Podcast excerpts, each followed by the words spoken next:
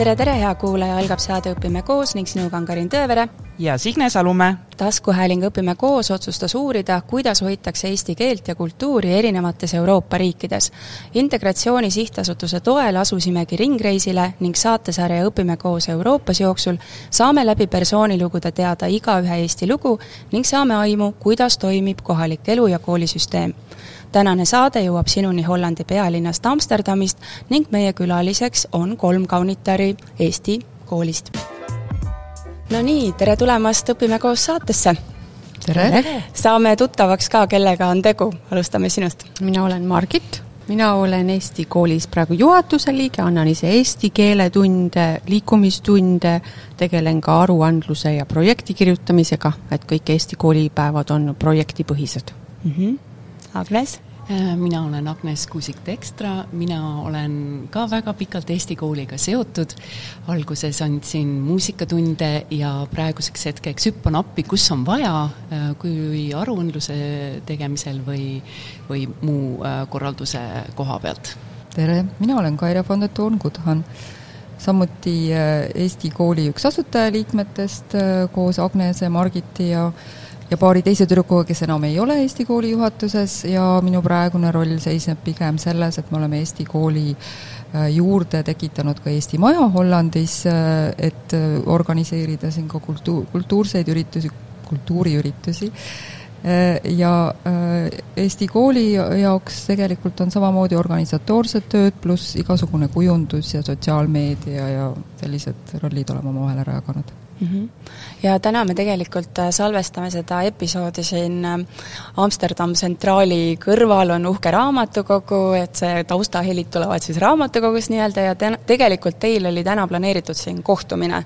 et äh, te ei tahtnud üldse meiega algselt kohtuda, teil oli omavahel kohtumine ja ma sain aru, et organiseerite sellist üritust, kuhu tulevad kokku kõik erinevad Eesti koolid erinevatest Euroopa linnadest et rääkige sellest äh, üritusest lähemalt, et kas seda võib nimetada välekürituseks või äh, emakeelepäeva ürituse, et mis selle nimi on ja mida see kõik endaga kaasa toob? Mm. Äh, nii Väleki kui ka emakeelepäeva üritus, et Välek tegelikult ähm, on siis lühend välismaal olevatest Eesti koolidest ja iga kord, iga aasta toimub see märtsikuus, kuna siis tähistatakse Eestis emakeelepäeva, et me siis nimetame seda ka emakeelepäeva konverentsiks, aga kokku saavad äh, ja teretulnud on kõik äh, Eesti koolide esindajad üle ilma, et sel korral tuleb ka lausa Kanadast Eesti kool ja nende esindaja, nii et see on iga-aastane üritus, kus siis tähistame eesti keelt ja mõtleme, kuidas koos edasi minna. Ja ma lisaks veel juurde, et eh, meil on au seda juba teist korda korraldada, et iga aasta valitakse uus kool, kes siis seda nii-öelda korraldab ja meil on täpselt kümme aastat tagasi, kui me viimati seda korraldasime, meil on nagu väike juubel mm. -hmm. nii et hästi tore, tore taas kokkusaamine. ja ma arvan, et nagu hästi vahva on tegelikult see, et meil esimest korda Hollandis kümme aastat tagasi oligi nagu sellises formaadis kogu see korraldus, et äh, külla tulid siis äh, Eesti koolide esindajad, kuna too, toona oli Eesti koole muidugi vähem, kui praegu on, eks ole, kuid siiski rohkem kui kahel esimesel korral, ja esimest korda kutsusime ka ütleme siis nagu Eesti kultuuri esindajad, ehk siis äh, muusikuid ja filmiinimesi lektorite kõrvale, et oleks ka natukene teine pool sellel nii-öelda edukatiivsel üritusel. Nii et äh, iseenesest see on väga, väga äge kohtumine ja kuna me oleme peaaegu ise, me oleme peaaegu kõikidel üritustel käinud, eks ole, nii äh, Brüsselis kui äh, Berliinis kui Luksemburgis, eks ole, mina Soomes ei olnud, sina, teie olite Soomes, ühesõnaga noh, see on väga-väga kihvt motiveeriv üritus just nagu laivis kokku saada inimestega, kes erinevatest Euroopa riikidest asja ajavad no täpselt, ja meil on nagu ähm, kogu see programm on üles seatud niimoodi, et äh, oleks väga nagu edukatiivne kõigi jaoks, aga samas ka, et seda Eesti kultuuri me seekord toomegi teatri ja et inimesed nagu välismaal olles sa tegelikult väga januled Eesti kultuurisündmuste järgi ja me oleme nagu üritanud äh, nagu kõik kohale tuua, mis vähegi võimalik siis nende päevade raames väga tore, no siin käis läbi juba loengud, külalised, et äh, mitu päeva see siis kestab, kui inimesed tulevad lausa Kanadast kohale? Ja meil on kolmepäevane programm, alustame reedel ja siis pakume osalejatele ka ekskursioone nii Haagis, Rotterdamis, Keukenhofi lilleaias ja Amsterdamis ja õhtul minnakse koos saatkonda pidulikule vastuvõtule. laupäeval on meil kavas ettekanded eh, ja õhtul tuleb meile Draamateater lausa külla. pühapäeval lõpetame Eesti koolis ja vaatame, kuidas siis Eesti, Eesti kool Hollandis eh, tegevus toimub ja teeme kokkuvõtted ja lähme kõik jälle mööda, mööda ilma laiali mm. -hmm nii et tõsine selline kogemuste vahetus erinevates keskkondades, et natuke turismi, natukene niisugust sotsiaalset poolt ja, ja siis äh, loenguid ka mm. -hmm. Aga kes seda kõike rahastab, kas see on Eesti riik, on pannud õla alla, et, et selline asi üldse toimuma saaks? No meil on muidugi Eesti Instituudiga on algusest peale juba, kui, kui need päevad üleüldse algasid, Eesti Instituut on tegelikult alati äh, olnud meie partneriks nii-öelda mm, -hmm. saadavad ka alati oma lek-, lektoreid, aga viimastel aastatel on üha rohkem, sest tegelikult ma ei teagi, meil nii suurt rahastust muidugi ei ole olnud, ma ei tea, mis teistel koolidel, aga Haridus-Teadusministeerium on hakanud seda samuti toetama, pluss ütleme, meie kultuuriesinejad, kes siis nii-öelda muusikud, filmi, filmitegijad, eks ole, nemad ja. saavad ka ise ju kulkast küsida ja tavaliselt see on ka õnnestunud, nii et mm -hmm Eesti Vabariik on tegelikult väga palju viimastel aastatel pööranud tähelepanu just eestlaskonnale ka siinpool, ehk siis Euroopas. ja muidugi ka saatkond, siinne saatkond äh, toetab oma jõu ja nõuga aga sa mainisid seda ka, et, et see Väleki kogukond on kasvanud, et neid Eesti koole on juurde tulnud, et ütlete, ütlesite, et kümme aastat tagasi oli neid vähem, et kui, kui paljusid koole te siis tegelikult ootate siia nüüd ja kui palju neid üldse olemas on kõik võib-olla ei tule, eks ju. ja kõikidest kindlasti ei ole ka teada, isegi Eesti Instituudil, ma arvan, pole teada, sest et nendel on ainult kontakt koolidega, kes küsivad rahastust ja kindlasti on olemas ka koole, kes saavad ise oma kodus hakkama, et ütleme, on väike rühm lapsi, kes tuleb kokku ja võib-olla nad ei tegutse ka kooli nime all, aga ikkagi on siis eesmärgi, eesmärk on sama, on eesti keel ja kultuur. Aga ma niimoodi umbes pakun praegu koole koole kahekümne ringis, kes meile, kelle esindaja külla tuleb mm. -hmm. just, ja väga vahva on see, et, et meist väga paljudest on saanud ka sõbrad, kuna me oleme nüüd noh, vähemalt kümme aastat üksteist regulaarselt näinud ja meil on samasugused nii-öelda mured ja rõõmud ja sellest on tõesti kasvanud äh, välja väga äge kogukond, kus me siis jagamegi nii Välekis kui omavahel äh, sündmuseid ja kogemusi ja rõõme ja muresid mm. -hmm. tegelikult Välek kasvaski natuke välja nendest emakeelepäevadest, sest äh, meie mingi hetk see oligi meie algatus. meie algatus ja see ja. nimi on ka samamoodi, mõtlesime tookord ise välja, nii et tegelikult on päris äge, et see on niisuguseks väga nii-öelda kasutatavaks platvormiks saanud, ütleme ka just äh, Haridus-Teadusministeeriumi mm -hmm. ja Eesti Instituudi poolt just. no teil on, tundub, et olete see Väleki alustala ja teate nagu sellest kõige rohkem, et millised on need kõige pisemad koolid siis ja kus riigis nad tegutsevad ja millised on võib-olla kõige suuremad väliseesti koolid? kindlasti Saksamaa on äh, suur ja no, Rootsi ja Saksa, mhm. Saksamaal on koole palju, seal on juba, kuna see pindala on niivõrd suur, eks mm -hmm. ole, siis äh, olidki tegelikult ju esimesed koolid Frankfurdis ja Hamburgis. meie käisime tookord külas Frankfurt, Münchenis, Münchenis, Müncheni koolil ja see oli siis minu meelest teised emakeelepäevad, kus meie saime teatepulga siis seda Hollandis korra-, korraldada. peale seda asutati Berliini Eesti kool ja siis peale seda ka Kölni Eesti kool, kui ma ei eksi. aga kui rääkida minu meelest suurtest kogukondadest, tegelikult Rootsi kogukond on Euroopas ikkagi üks kõige suurem, sellepärast et see on ju ka vana kogukond, eks ole, mis on juba nagu ajalooliselt ja geograafiliselt, eks ole, Eestile kõige, kõige lähemal ka nii-öelda emotsionaalselt võib-olla, vaata kui palju eestlasi on sinna mm -hmm. emigreerunud ja noh, seal on ju, ütleme, meie Sirle veab selle näiteringi, eks ole, seal on Eesti kool, mis ongi nagu päriselt nagu igapäevane Eesti kool. mitte lihtsalt pühapäevakool. mitte lihtsalt püha, pühapäevakool, kui nagu enamus Euroopa ja. koole on, eks ole. ja ma arvan tegelikult, et Brüsselis ja Luksemburgis ja eriti noh, Luksemburgis on, on nagu, need on ka tegelikult päris suured mm. -hmm. kuna seal on lihtsalt rohkem eestlasi, eks ole mm, -hmm. palju, palju rohkem ametnikke ja millised siis on need kõige sellised pisemad, need pesamunad?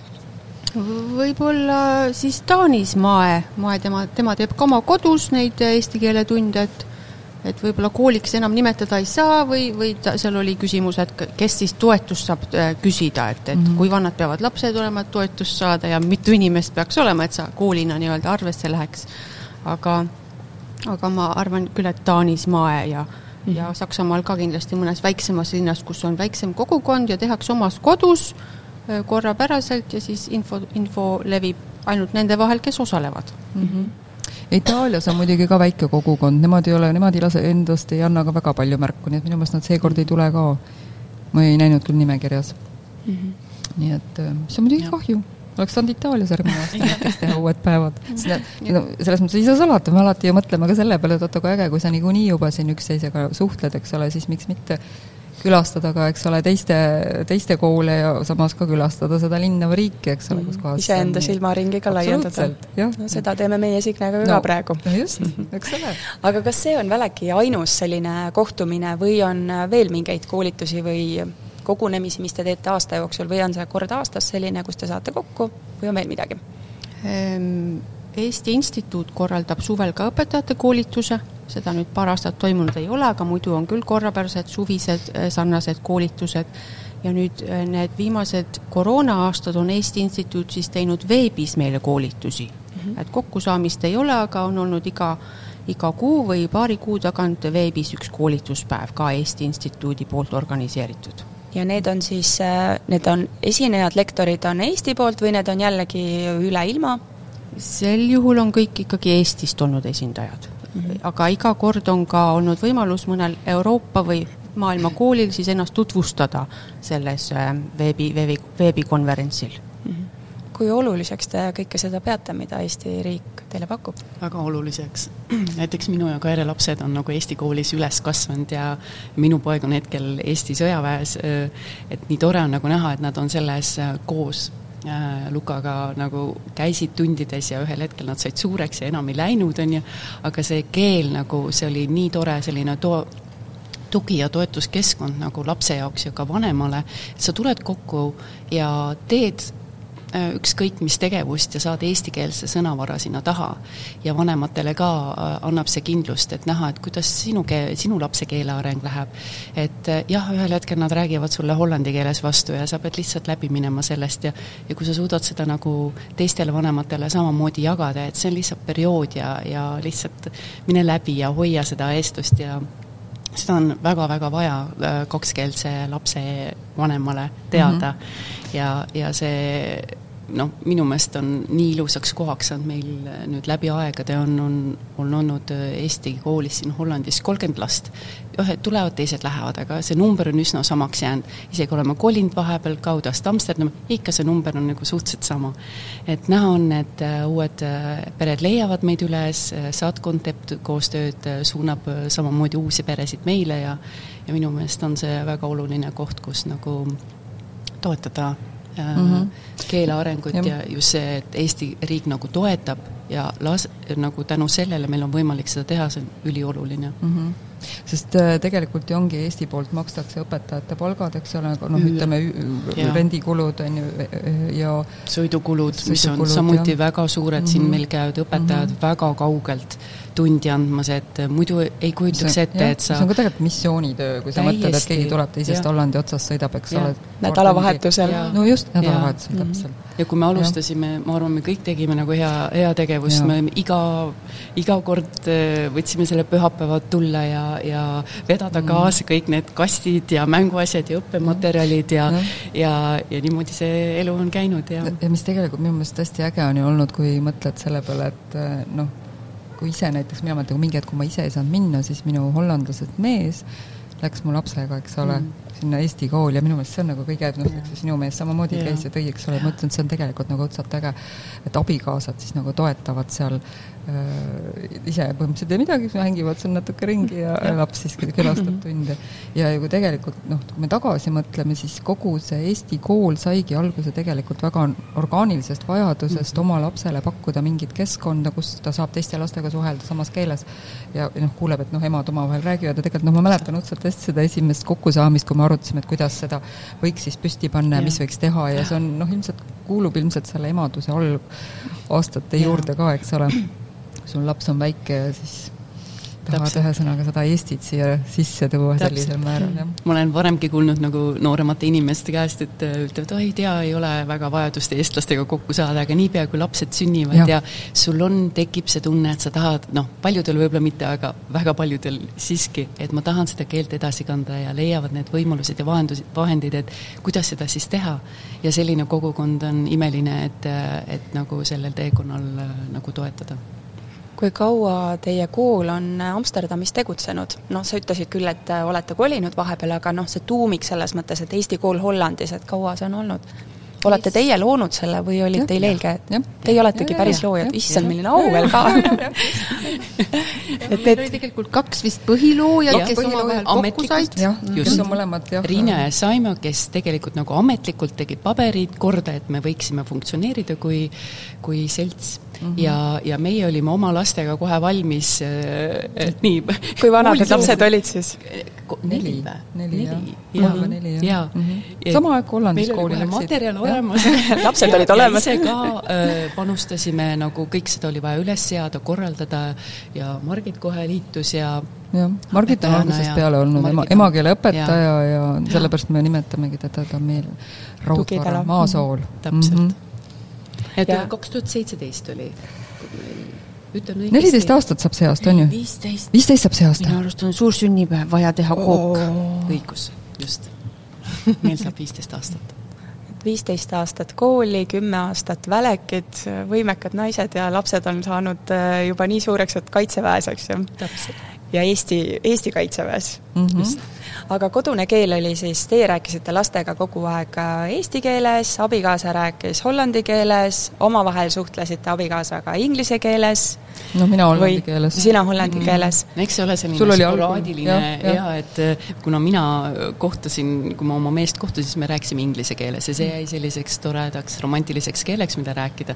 siis tulid lapsed ja siis ta jäi salakeeleks, aga noh, see ju mm. häkitakse väga ruttu läbi, sest inglise keel on ju väga populaarne keel ja aga jaa, mina rääkisin alati lastega, räägin siiani eesti keeles, kui on otse pöördun, äh, mees rääkis hollandi keeles ja koos siis laua ääres, noh, ühel hetkel muidugi ma rääkisin hollandi keeles nendega, aga selline las-, lapsed alati pöördusid nagu minu poole eesti keeles, sest siis oli võimalus, et kui papa sellest aru ei saa, isa aru ei saa, siis neil on ju veel üks võimalus küsida mm, -hmm. et okay. äh, aga isad äh, ei võtnud tuld, et äkki õpiks ka eesti keelt? No, no palju proovisid. tegelikult osad isad, ütleme meie konkreetselt mitte, eks ole mm, -hmm. aga Margit ja sina, tähendab, selles mõttes sa tead rohkem sellest rääkida, mõtlesin. meil, me oleme pakkunud ka isadele või siis teistele pereliikmetele eesti keele kursust, äh, täiskasvanute kursust, ja on koolipäevaga paralleelselt need siis ka toimunud äh, päris eduka, edukalt, oleneb nüüd parasjagu, et kas õpetajat on leida või kas ruumi on ja huvilisi. kas huvilisi ja, on, aga aga meil ikka oli seal need, mingi aasta oli viis isa ja, näiteks ja, ja siis oli jälle no ütleme, niisugune väike, väike ja. kambakene. et see oli tore ko kombineerida, et mm -hmm. lapsed olid oma tunnis, isad olid eesti keele tunnis mm -hmm. või siis ka mõned emad või eks ole, seal oli teisi huvilisigi, et äh, Eesti nii-öelda fänne mm -hmm. ja, ja siis emad omavahel said sotsialiseeruda ja oligi selline tore mm -hmm. koht, kus mitmel tasandil töö käis mm. -hmm. isegi spetsiaalselt äh, Mariann Laving, kes on ka hästi kaua olnud siin Hollandis, tema on töötab tõlgina ja nüüd kunstnikuna, tema toona isegi töötas välja spetsiaalselt äh, eesti keele õppe meetodid, ühesõnaga, mis sai siis raamatuna pärast, noh, me neid osalistele siis müüsime ka, eks ole, et selle alusel noh, spetsiifiliselt just sai õppida eesti keelt. Mm. -hmm me siin äh, saateid tehes avastasime sellise huvitava fenomeni, et tavaliselt on Eesti naine ja välismaalasest mhm. mees, et kas teil on nüüd tuua äkki mõni näide, et aga meil on üks Eesti mees ja tal on hoopis äh, hollandlasest naine või olete ka samas? meil on ju paar küll, paar mm., tähendab, see pianist, kes elab siin Amsterdami lähedal, kes on küll, kes tegelikult ei, ei väga ei sekku Eesti kogukonda, viimati aukonsuli juures mäletad mm, -hmm. ta oli mängis klaverit kui Jaan Krossi raamatu tõlke esindamine oli. Tema on abielus hollandlasest naisega, neil on üks laps. minu meelest oli veel keegi, aga ega see väga hambaarst see hambaarst jaa, aga see, see, see oli väga pikalt siin juba. Need on vist lapsed juba aga neid on ikka ka. väga väheses koguses teistpidi mm -hmm, kombinatsioone mm, -hmm, et ikkagi Hollandi mees ja Eesti naine on siin väga hea matš. on jah. võib ju ka jällegi olla nagu selle teise kooli asjaga, et siis me jälle ei tea nendest. just, et ma tahtsin jõuda selleni, et võib-olla Eesti naine on niisugune patriotistlikum, et selles mõttes kannab seda isamaalisust rohkem võib-olla hinges kui mehed võib-olla, et aga annavad üle, alla. aga ma arvan, et üleüldiselt emakeelt kannab ema mm, -hmm. see lihtsalt on nii aga räägime sellest äh, koolist ka lähemalt, et äh, mis teil siis äh, tavaline, kui noh, täna me ei saa, see koolipäeva ei toimu, teil on koolivaheaeg, et kui me juhtume siin olema, et et kuidas teil tavapärane see koolipäev üles ehitatud on, et mis te teete seal?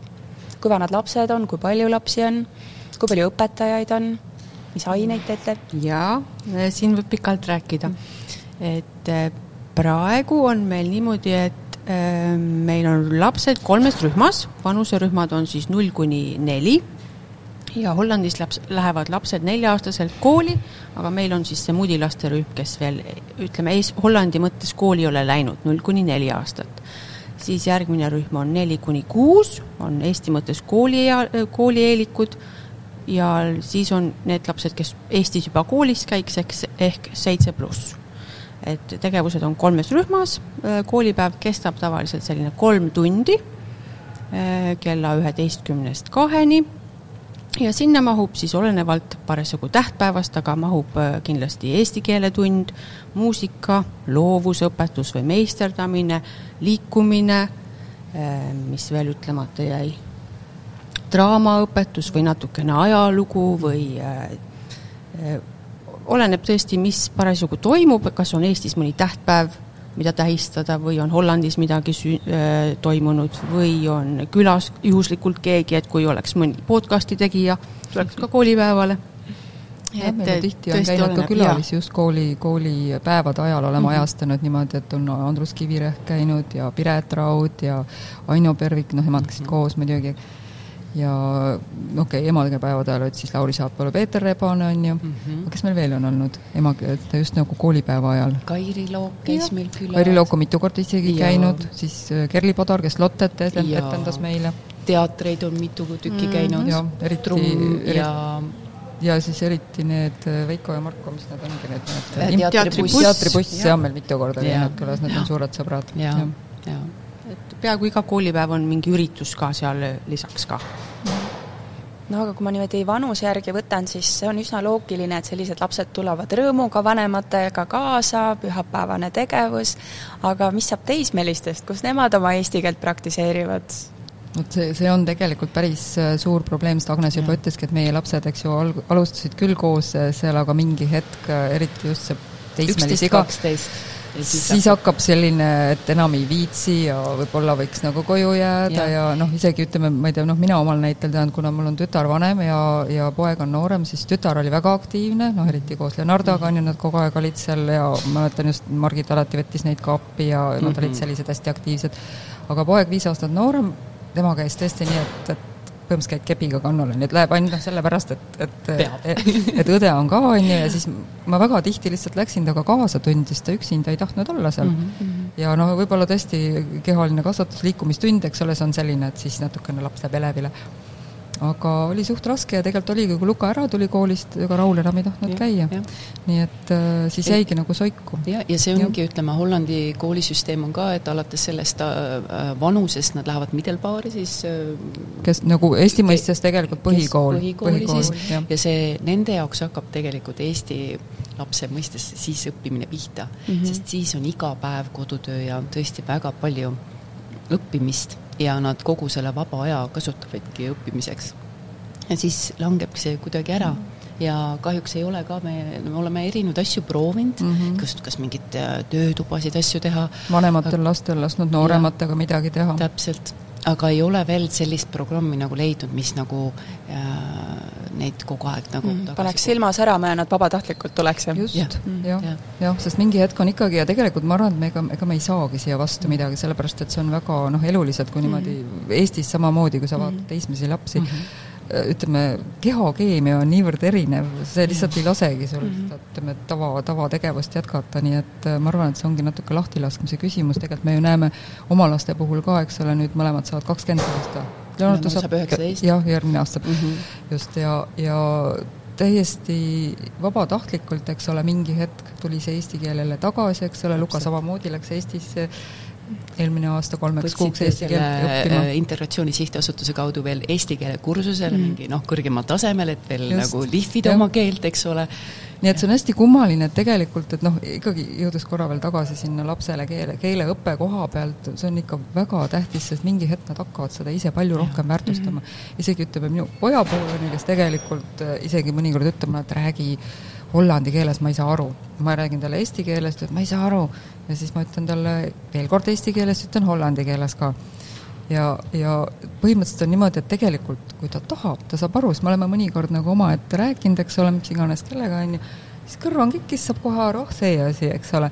ja ma olen märganud ka, et, et tihtipeale just see efekt, et äh, see on mingi salakeel, sõbrad ei saa aru, et kui me oleme näiteks kuskil väljas, eks ole, ja tal on vaja mulle midagi ütelda, kui inimesed on juures, ta ütleb alati eesti keeles. Mm. -hmm. nii et noh, isegi veel aru saamata, on ju, ma usun, et see on kindlasti mingi hetk, me oleme ju tegelikult kohtanud siin ka sõbrannasid, kes, kes, kelle lapsed on kasvanud hollandikeelsena üles mm -hmm. ja kes on nagu ise ka tunnistanud, et kuradi kahju, on ju, et, et nüüd, et nad ei oska keelt, eks ole, ja tahaks ikkagi ja, ja lapsed on tundma huvi Eesti vastu, nii et igal juhul on hea see keel mm -hmm. kaasa anda, mina olen ka näinud, et kuigi lapsed on väga erinevad, et kui minu poeg alati ütles, et kui me kooli läheme sinna õpetaja jutule, et ei hakka eestist rääkima, ei äh, nimeta ühtegi eestikeelset sõna koolis, on ju, nagu pigem tahtis nagu kooli sulanduda sellesse massi. Mm -hmm aga kodus siis äh, ilusti räägib, nüüd tunnistab mulle küll, et ma ema, ma olen väga tänulik, et sa mulle selle eesti keele oled mm -hmm. kaasa andnud, sest ta saab Eestis väga hästi hakkama.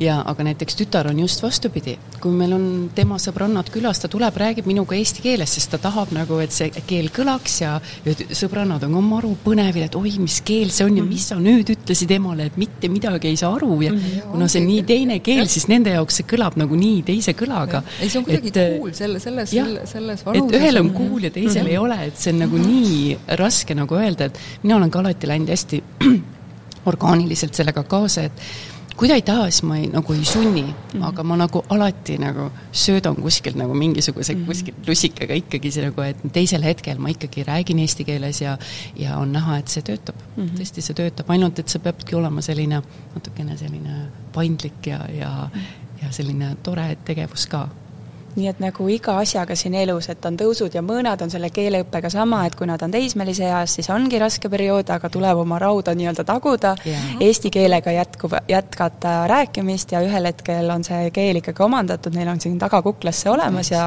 ja nad jätkavad ja ühe, siis nad on veel uhked ka selle üle. täpselt, ja mina ja, ütlen alati, see on sinu rikkus mm. -hmm. see teeb sinu jaoks Eestis ukse lahti, et sul on veel üks võimalus nagu mm, -hmm. et kui sa tunned, kui sa Eestis äh, räägid eesti keelt kas või või natukene ja võib-olla mingi aktsendiga, aga ikkagi sa saad eestlasele nii palju rohkem lähemale, et äh, kui sa eesti keeles räägid ja, ja nii on mm. -hmm kas äh, teie lapsed on ka mingitest laagritest osa võtnud, äh, Eestis käinud, et just, et eesti keelt õppida, Eestis sõpru saada?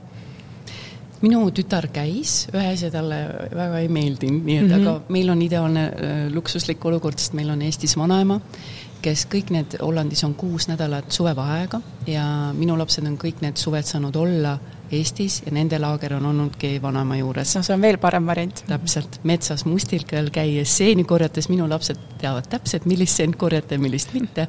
nii et nemad on nagu tõesti, see keelekümbluskeskkond on olnud just nagu minu sugulaste ja ema juures. et me vähe, tõesti väga vähe oleme nagu laagritele, nad on vähe ka huvi näidanud, aga neil ongi lihtsalt nii põnev olnud, et vaata vanasti tegelikult, noh vanasti ma räägin kümme aastat tagasi, kaheksa aastat, seitse-kaheksa aastat, tegelikult siis ei olnud väga palju laagreid veel, need on hakanud viimasel ajal tulema ja, ja, ja noh, ma ütlen, Luga oleks kindlasti, ma kujutan ette, kui nad mingi seitse-kaheksa olid mm, -hmm. siis, siis on natuke nagu painutatavad ja, ja huvilised, siis oleks saanud nendega minna, aga, aga mul täpselt sama, me ei ole käinud ka, ma olen vaadanud küll, et väga ägedaid asju on, üks kord oli meil minu meelest Eestis, kui me suvel kokku saime erinevate Eesti koolidega, mäletad siis, kui Ellen Niidu oli, ei olnud Ellen Niit käisime seal Vabaõhu muuseumis. Vabaõhu muuseumis käisime lastega, muu-, tähendab, päris muuseumis käisime, Kumus käisime ja. ka tookord ma nüüd ei mäleta, kes meil seal kaasas olid, see on ka mingi kümme aastat ja. tagasi juba, saksa koolid oli igal juhul. Piret Raud oli, jah, jah. et see oli mõeldud just nagu lastele minu mm. meelest äh, Eestis nii-öelda keelekümblusena, et need, kes parajasti puhkusel olid, et siis nagu ütleme, need Euroopa Eesti lapsed saavad seal kokku Eesti keskkonnas mm.. jah, ja siis need olid töötoad, maalisid seal mm -hmm. midagi ja mm -hmm. käisid, et seda eesti keelt on iga nurga alt niimoodi mm -hmm. antud kaasa noh, loomulik on, et kodus on siis eestikeelsed filmid ja raamatud ja need on oh jaa, oh ja see on nii oli, tore, et seda, seda võimalust on nii palju rohkem nüüd, sest vanasti oli võib-olla ainult, ma ei tea, DVD või mm. veel vähem, eks ole. meil on terve kastitäis DVD-sid ühesõnaga, mis on noh, ühesõnaga Eesti asju, et ja, ja kusjuures tegelikult on mingeid momente, kui lapsed lähevad, noh praegu ei ole ju DVD-mängijadki põhimõtteliselt mm, -hmm. mis meil üks veel kapis on, on ju, ja vahepeal nad lähevad, kaevavad seal kastis ja leiavad mingisuguse, isegi lottet vaadatakse mõnikord veel, eks ole, ja mis on nagu huvitav ka tegelikult, ütleme isegi mitte lastefilmid, aga siis nagu meie noh, ütleme klassika sellised. põlvkond, eks ole, mis klassikana mm -hmm. tõepoolest, kas või Oota saa, eks ole mm, -hmm. Must ja valge koer, on ju, mis meie nagu omal mäletasime, isegi musketäride film, see Vene musketäride film, on ju, saad aru, see on nagu lastele meelde jäänud, nad on vaadanud seda, kui nad ja. on väiksed olnud ja nad siiamaani kuidagi noh, vaata, isegi kui see pole nagu osa otseselt Eesti kultuurist, siiski ta on nagu teatud määral meie Nõukogude taustakultuurist mingi mhm. osa, nii et see on nagu äge, et nad seda fännavad ja tõesti, meil on ka Eesti koolis oleme teinud raamatulaate, sest ühel hetkel ju lapsed kasvavad teatud vanusegrupist mm -hmm. välja, et jagada ja tõesti, meil siin nii palju raamatuid on praegu liikvel ja nii äge on nagu näha, et seda materjali ja, ja kõike seda, noh, seda enam, et lööd interneti lahti ja sul on igasugust keskkonnast, kus, kus sa saad seda kõike kuulata ja vaadata, et nii palju rohkem on seda toetusmaterjali, et see on nagu nii vahva.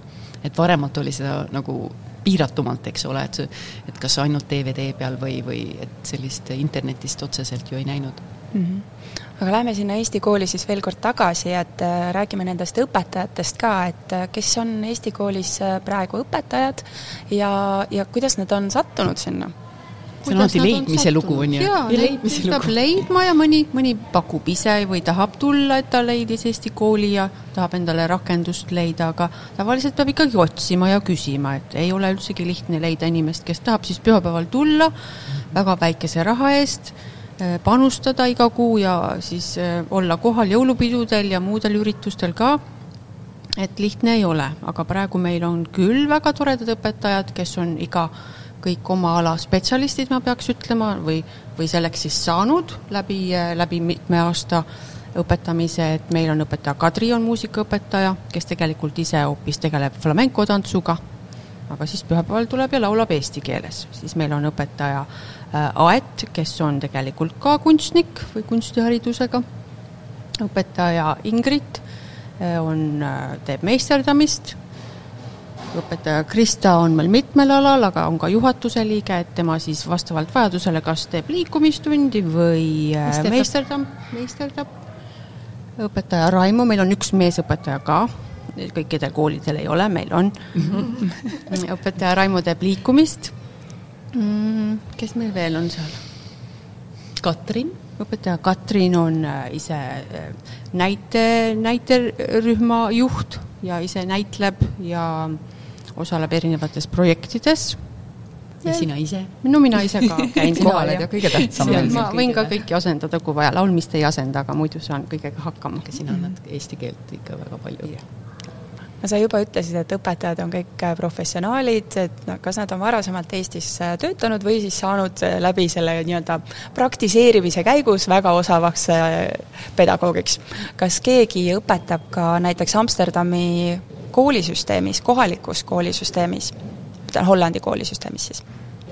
no meie õpetajad enamus ei ole, ütleme, õpetajaharidusega, aga aga siin ka tihti ei ole see õpetajaharidus abiks, et siin peabki olema just harjunud sellise erineva keeletaustaga lastega, teadma, kust keegi pärit on ja mis kellelegi meeldib, et eh, õpetajaharidus võiks olla aga kindlasti ei pea olema mm -hmm. ja meil enamasti ei ole ka, mhm. aga, aga mina, Margit, sina ise mina ise töötan mm -hmm. koolis. mis koolis sa töötad? mina töötan rahvusvahelises koolis, nimeks on Optimist International School ja see asub siis tegelikult Hofdorpis, et ma elan Hofdorpis, mis on Amsterdami külje all ja seal on meil rahvusvaheline kool. ja kes seal rahvusvahelises koolis siis õpivad? praegu on õpilaste arv, ma arvan, kakssada kolmkümmend. eestlasi ka on või?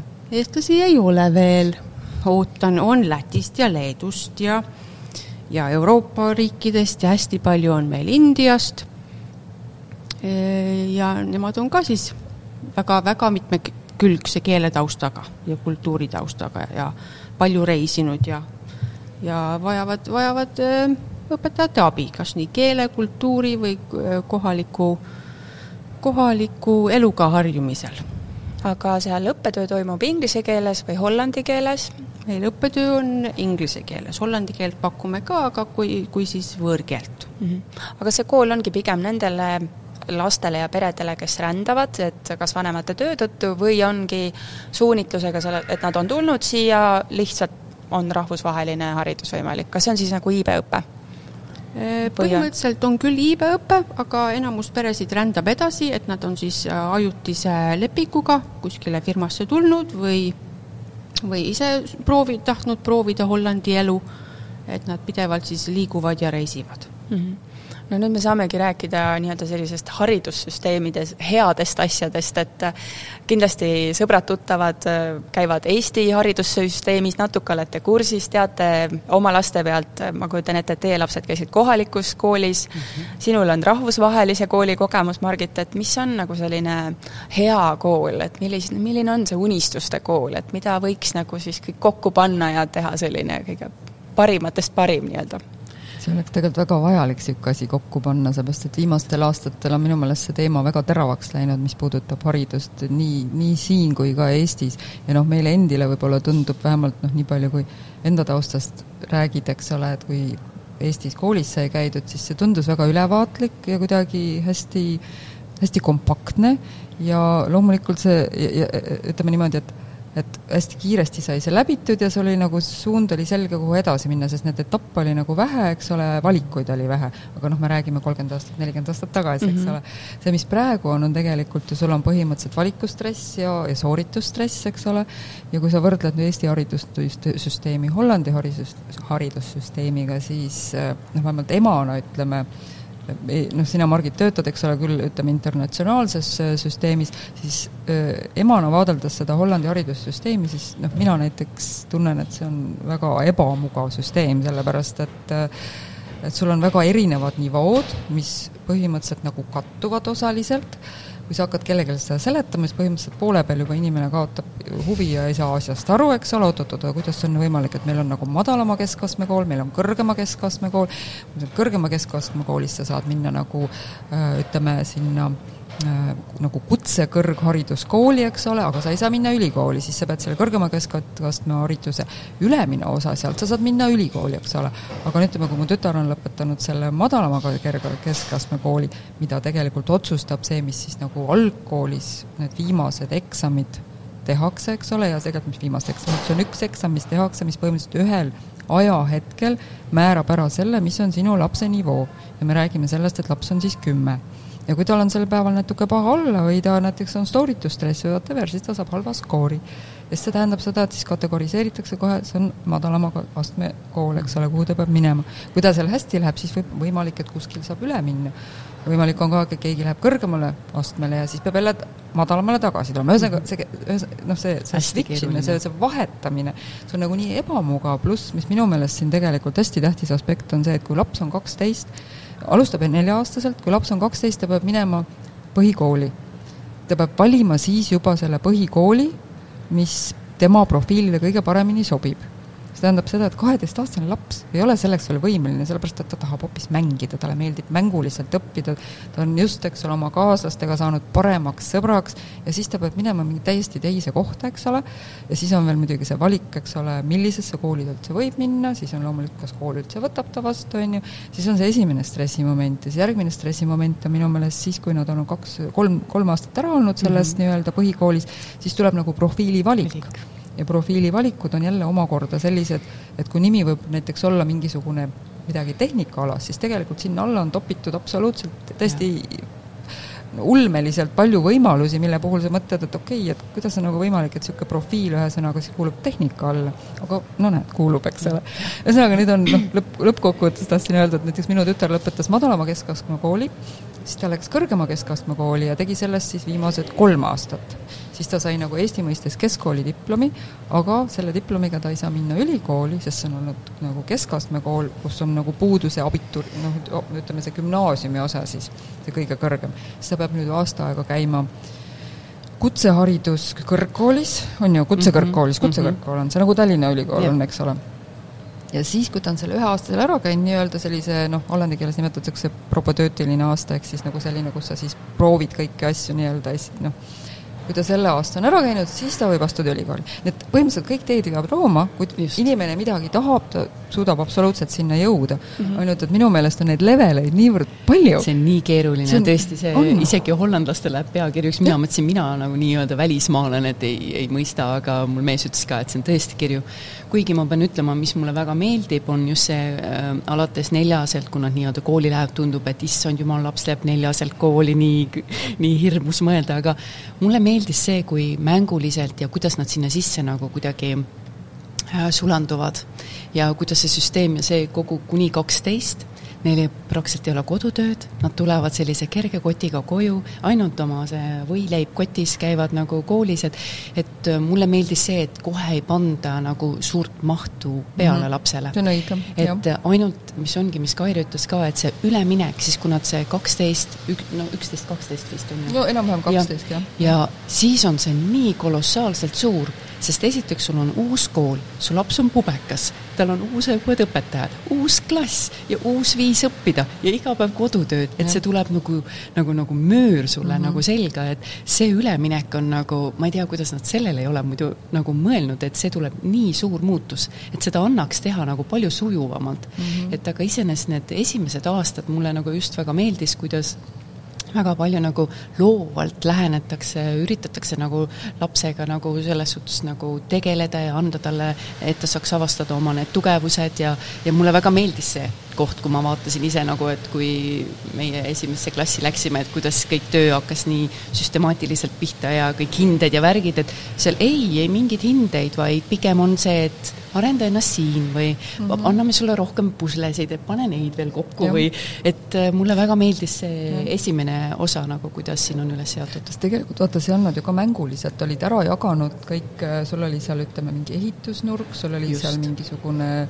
kirjutamisnurk, sul oli noh, mis iganes erinevad sellised temaatilised kategooriad ja, ja siis oli sul olemas väike nii-öelda plan board või kus, kus sai nagu ühesõnaga oma plaani kirja panna, sa pidid hommikul siis panema kirja, et no kõigepealt sa oled siin, siis sa oled seal, siis sa oled seal, eks ole. et põhimõtteliselt nagu õpetada siis lapsi nii-öelda plaani. planeerima, päeva planeerima mm. -hmm ja väga ilusasti ja et see, see mulle nagu väga meeldis mm, -hmm. et mhm. kuidas äh, lapsel samuti anti nagu, nagu ka selline järge, järgimõtlemise hetk, et okei okay,, mis me nüüd teeme ja neil oli mm -hmm. oma plaan, kuidas lapse jälgida, et tegelikult see on nagu hästi oluline hilisemaks, et kuidas planeerida oma päev, kuidas planeerida oma õppekava ja õpp, õppimise nagu järjekord mm, -hmm. et iseenesest see nagu ettevalmistus on hea, aga see üleminek on lihtsalt ja. väga Mm -hmm. nagu lihtsalt jah, et ma arvan, et siin on väga palju, ütleme, Eesti, Eesti inimesele on siin palju veidraid otsuseid ja. või veidraid asju, kuidas need toimivad, näiteks kas või see, et põhimõtteliselt kui laps saab neli, siis kohe järgmisel päeval ja ta läheb kooli. meil ei ole esimest septembrit. mingit esimest septembrit ei ole, eks ole, Luka sai seitseteist september sai neli, kaheksateist september läks kooli. noh, selles mõttes, et nagu kummalised, sellised kummalised ja. otsused on ei mingeid põlvikuid ega patse, tutilinte. ja õpetajale lilli ei viia. ei, õpetaja, ja see on väga, väga, üleüldse lille viimise komme ei ole siin üldse nii nagu Eestis. ei ole niimoodi, et mõtled, Holland on ja. tulpide või lillede maa, et kõik ei, igaüks ostab ise lilli, igaüks ostavad ise lilli, need on kujunduselement, sa ostad ostad ise, mis sul, sinu koju nagu sobivad, ei ole see, et, et äh, meie küll viime ikka üksteisele, on ju. jah, seda küll, jah. aga Margit, kuidas sina vaatad neid koolisüsteeme, et oled sa Eesti koolis ka õpetanud, Eestis? jaa, õpetasin küll, et et mis sulle nagu õpetajana tundub, et sellised head asjad ja mis võib-olla, või siis vastupidi, et mis on nagu jäänud, et vot see on veider, et seda peaks muutma hmm.. võib-olla Eestis ongi see õpetajaamet konkreetsem, et sa tead täpselt, mis sa pead tegema, et sul on oma tunnid, et praegu, kui sa mõtled algklassi õpetajale Hollandis, et tal on palju lisakohustusi. Ja vaata, meil ei ole ka nii-öelda tunde eraldi, et sa, kui sa oled algklassi õpetaja, siis sul see päev algab ja sa saad ise ära jagada, et okei okay,, ma teen nüüd kaks tundi eesti keelt või ma teen täna matemaatikat või ei tee et keegi tunniplaani ette ei anna selles mõttes, kui just ei ole spetsialistõpetaja tund, et kehaline on siis, keegi teine annab kehalist ja muusikaõpetaja on ka eraldi, aga ülejäänud algklassiõpetaja ise vaatab, kui palju ta ja millal ta teeb. et äh, mõnikord lähevad need päevad ka väga pikaks, kuna sa mõtled, et oh, okei okay,, teeme, teeme lugemist ja keelt, aga siis laps väsib ära ja siis jah, peab nagu paindlik olema, et Eestis antakse põhimõtteliselt kõik ette minu arust siiamaani isegi algklassiõpetajale, et nüüd on matemaatikat vaja teha ja kell heliseb vist siiamaani Eesti koolides, et siis on tunni lõpp. Hollandi koolides ei helise sellist kella, et on päeva algus Juh. ja päeva lõpp ja vahepeal on okay, söögipaus, aga koolikellad on küll, meil oli küll kogu aeg, iga, iga tunni lõpus oli kell. jaa. meil ja, oli algus ja lõpp. jaa, ei, meil oli kogu aeg. Hollandi koolis? Hollandi, jah, Hollandi koolis, aga baasiskool, tähendab see algkool. Aga mis nagu minu meelest siin huvitav on see aspekt, et õpetajaid kutsutakse eesnimepidi mm. -hmm. näiteks Eestis ei ole tegelikult noh, on see, ütleme, see elukutse on ikkagi selline autoritaarsem mm -hmm. ja ikkagi õpetaja see, õpetaja too, eks ole, ja vanasti, noh, vanasti, ma räägin vanasti jälle, nõukaajal ütleme, see, siis oli ju su isa isegi selline noh, kuidas öelda, väike hirm mõnede õpetajate ees ja ega ei julgenud ju midagi vastu kobiseda, eks ole, aga siin niisugust, noh, eks ole ka praegu, ütleme, praeguses hetkes, kus me elame, eks ole, kuidas me üksteisega suhtleme, eks ole, ka praegu selline, selline nii-öelda jah, informaalsem, aga just ma mäletan, et see oli hästi, hästi huvitav, et ühest küljest on see äge lastele, et saavad nagu öelda, et noh, õpetaja jah, et mingit teietamist ei ole, on ju, aga see nagu lähendab, aga samas see tekitab ka selle võimaluse rohkem pättust teha, kui sa oled nagu niisugune distsipliini eirata. just, nii et see on nagu kahe otsaga asi, nii et jah no aga võtamegi selle, selle teema, nagu sa ütlesid, et koolirõõm, et äh, kus lapsed, kas lapsed lähevad rõõmuga kooli Hollandis? Hollandis on ju kõige õnnelikumad lapsed, see on mingi statistika tehtud Kuni, Euroopas. Ja Hollandis on kõige õnnelikumad lapsed, et eh, neid kuulatakse ja, ja nad tunnevad, et nad on kuuldud ja nad on nagu nende elus, nagu elu on siis kõige õnnelikum, mis nad siis väidavad. aga ma täitsa usun, sest et ähm, kui ma vaatan, kuidas nagu keskeltläbi hollandlane siis oma nagu lapsega suhtleb ja väga palju küsitakse lapse arvamust, arvestatakse lapse arvamusega koolis samamoodi, et loomulikult on hetki, kus lapsed ju ei taha minna kooli, sest see on ikkagi, kus peab iga päev käima, aga nad väga rõhuvad sellele, et laps läheks rõõmsa äh, tundega kooli, vähemalt iga kord, kui mina, meil on nagu see arenguvestlus olnud õpetajaga, on alati see, et, et alati leiame, et tal oleks tore ja hea tunne tulla mm -hmm. kooli. kui on probleemid, et need oleks ületatavad ja kindlasti, et lapsel oleks see hea tunne, et nende jaoks iga vestlus oli nagu see nagu mainiti ära, et lapsel peab olema hea tunne kooli tulla. et äh, minu lastel on keskeltläbi on nad küll nagu tahtnud kooli minna, et loomulikult on hetki, kus äh, saadaks kuu peale hea meelega, aga aga selline, ei ole sellist vastu äh, pahameelsust, ütleme niimoodi, kooli osas mm. -hmm. eriti algkool, ma arvan, on selles ja. suhtes selline helge, et kuna neid reegleid on vähem, uued sõbrad ja, ja kõik noh, kuna see on suht mänguline ka, eks ole, ja ütleme, kõik need vahemaad on pisikesed, eks ole, tavaliselt sellised koolid, noh, sellepärast ongi nagu algkooli variant selline, et see on tihtipeale väga kodu lähedal, eks ole, laps võib mingi hetk isegi ise juba koju tulla, on ju nii et iseenesest ma ka nagu mäletan seda, et, et lapsed pigem ikka rõõmsa meelega läksid ja tõesti kooli poolt ka, kui tõesti, kui midagi on, siis alati helistatakse, eks ole, esimene asi, mis nad ütlevad, ärge ehmatage, midagi ei ole lapsega, aga tahtsime seda rääkida, on ju. nii et noh, selles mõttes see on nagu see, see oli tegelikult jah, ma mõtlen, et võib-olla siin on isegi jälle üks väike moment, et kui nüüd üleminek sellest algkoolist sinna põhikooli, see, see muudab selle tegelikult veel selliseks nii-öelda kontrastsemaks, kuna sa lähed sinna põhikooli ja sa hakkad kohe käima oma kümnekilose kotiga, sul on iga päev kodutöö, eks ole, ja põhimõtteliselt sa pead kohe oskama sooritada, plaanima, mis iganes, sest tegelikult algkoolis neid ei õpetata väga plaanima, see mängulisus on, eks ole, aga palju nad sellest noh, ka kaasa saavad, sest ma olen just märganud tihti, et see, see põhikoolis on just kõige suurem probleem see, et laps ei oska lihtsalt ise nagu oma päeva äh, sisustada, kuna, mida õppida, kuidas õppida. seda on palju täpselt ja, ja seda nad ei saa. ja mis on, ma tahtsin veel Hollandi koolisüsteemi kohta öelda seda, et kui võib-olla Eestis on äh, nagu võimalik last vahepeal ära rääkida, et noh, me läheme puhkusele, et mm, me ei saa, äh, laps ei saa kooli tulla, siis siin sellest ära üldse unistagi, sest sa saad küsida vabu päevi, näiteks et minna arsti juurde või, või mingi, ja siis, kui sa tahad näiteks minna kuskile peresündmusele, siis sa pead küsima ja, ja nad võivad sulle öelda ei ja tihti ütlevad ka ei. nii et see on nagu üliharuldane, kuigi mm -hmm. Margit, vist sul on teistmoodi kogemus või? ei no ähm... ütleme, vähemalt Hollandi koolisüsteem on mm -hmm. väga nagu, ma, ma ühtpidi nagu mõistan ka, et kuna tegemist on väga multikultuurse ühiskonnaga ja igal rahvusel on ju omad pühad, tähtpäevad, äh, perekülastused mm, -hmm. mida iganes, et ma täiesti mõistan, et no ei saagi olla võimalik, sest et kogu see koolitempo ju jääks kohe maha, kui oleks pool klassist nagu kuskil no, ära. just, eks ole, sest äh, ju tegelikult isegi arvestatakse just väga selle multikultuurse ühiskonnaga, sest kuidas on muutunud koolis näiteks äh, isegi tähistamised, on ju, kuidas, äh, tähendab, mida teistele lastele jaotada, on ju, ja, ja, ja kuidas ja. on muutunud, et, et arvestatakse näiteks sellesama nii-öelda suhkrupühaga, kuidas eesti keeles kutsutakse saikapeest, eks ole.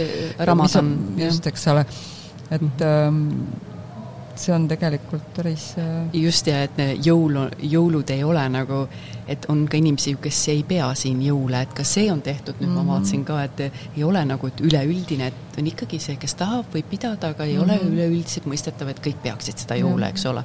aga jah, trahvid on päris karmid, sellest, et minu arust kas neli tuhat eurot? ja, ja need trahvid nagu keegi sind tabab, et tegid seal väikest pettust. et see peab äh, pere nii-öelda selle reisi äh, planeeringusse kirja panema, et äh, trahv siis mm -hmm. nii palju juurde.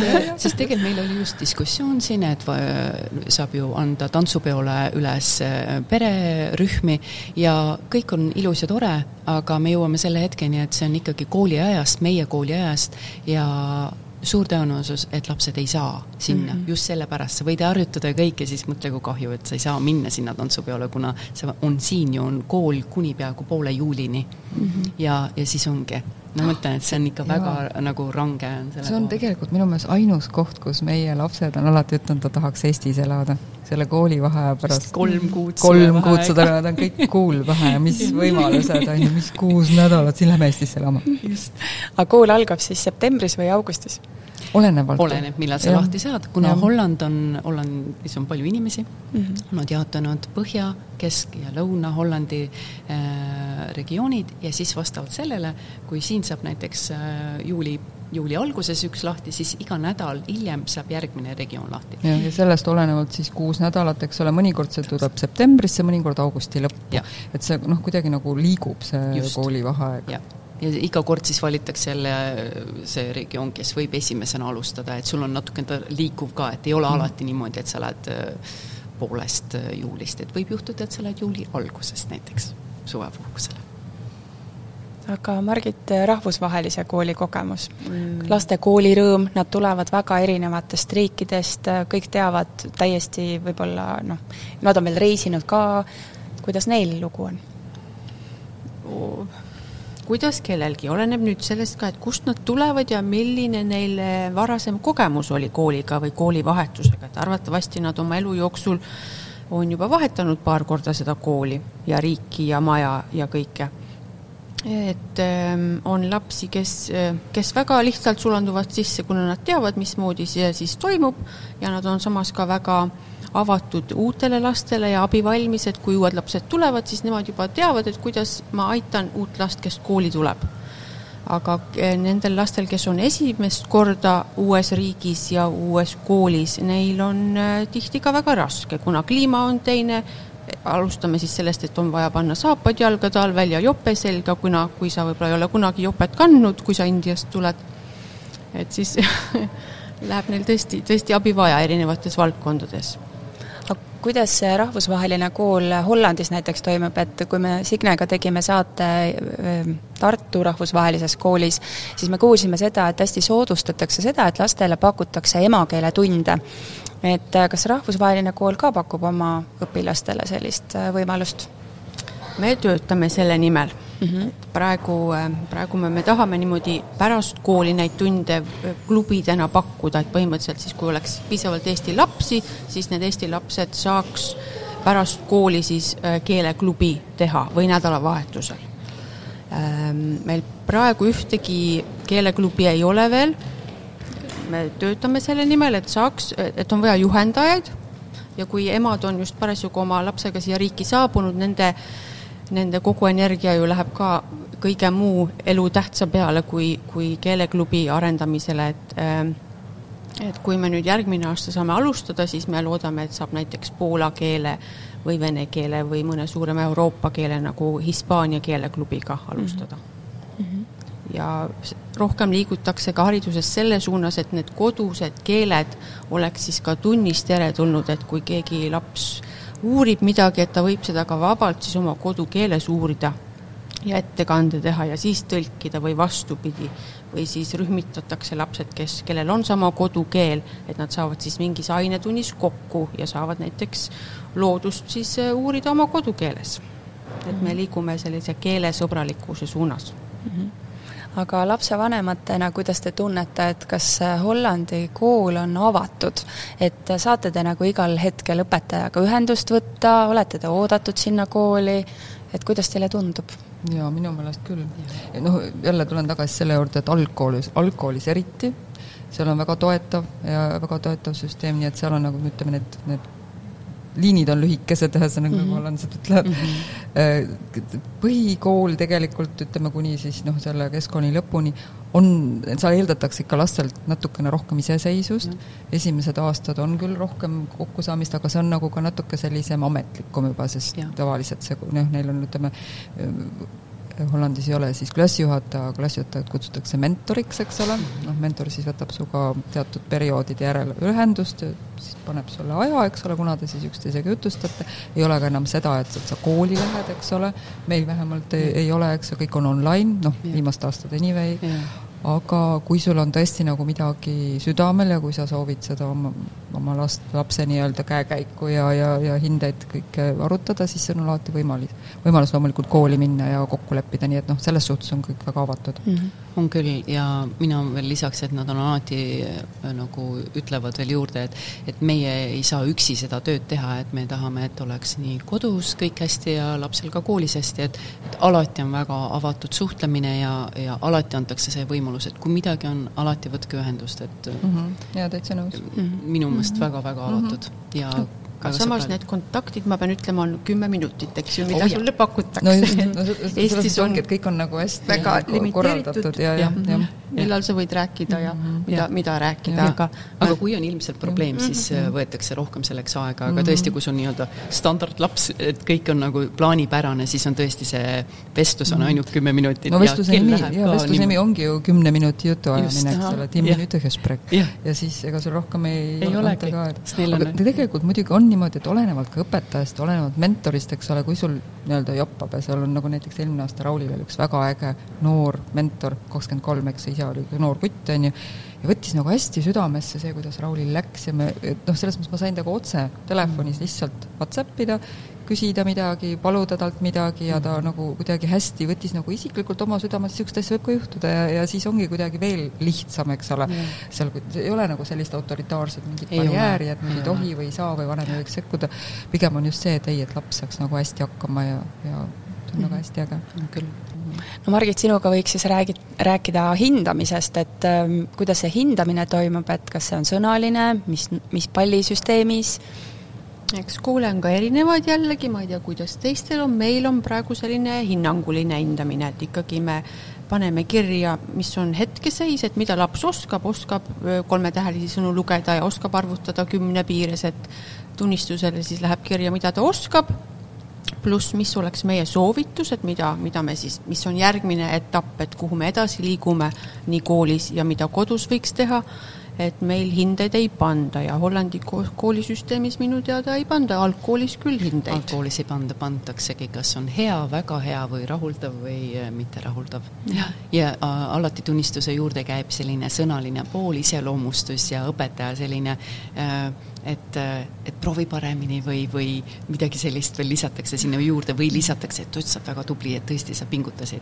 aga mis on hästi huvitav nagu äh, siis selles teises etapis Äh, nad alustavad nii-öelda hindamist suhteliselt algul nagu madalalt, et andes lapsele võimalus kasvada mm, -hmm. et, et see ei ole, et näiteks selle kontrolltööst on sul võimalik saada nagu kümme, ei, sa alustad, ükskõik kui hästi sa seda ei tee, sa saad ikka seitse, ütleme niimoodi mm. -hmm. Ja iga, iga kord see nagu, siis nad nagu, ma ei tea, mis see mis ajal sa siis nad selle punkti sinna jälle juurde panevad, et lapsel jääb tunne, et näed, ma olen äh, nagu sammu jällegi edasi, ma olen õppinud, mul on paremad tulemused, et kuidagi neil on veel selline omakorda selline äh, motiveeriv selline süsteem seal, vähemalt äh, alati õpetajad nagu mainivad seda, et et see on nagu kasvav.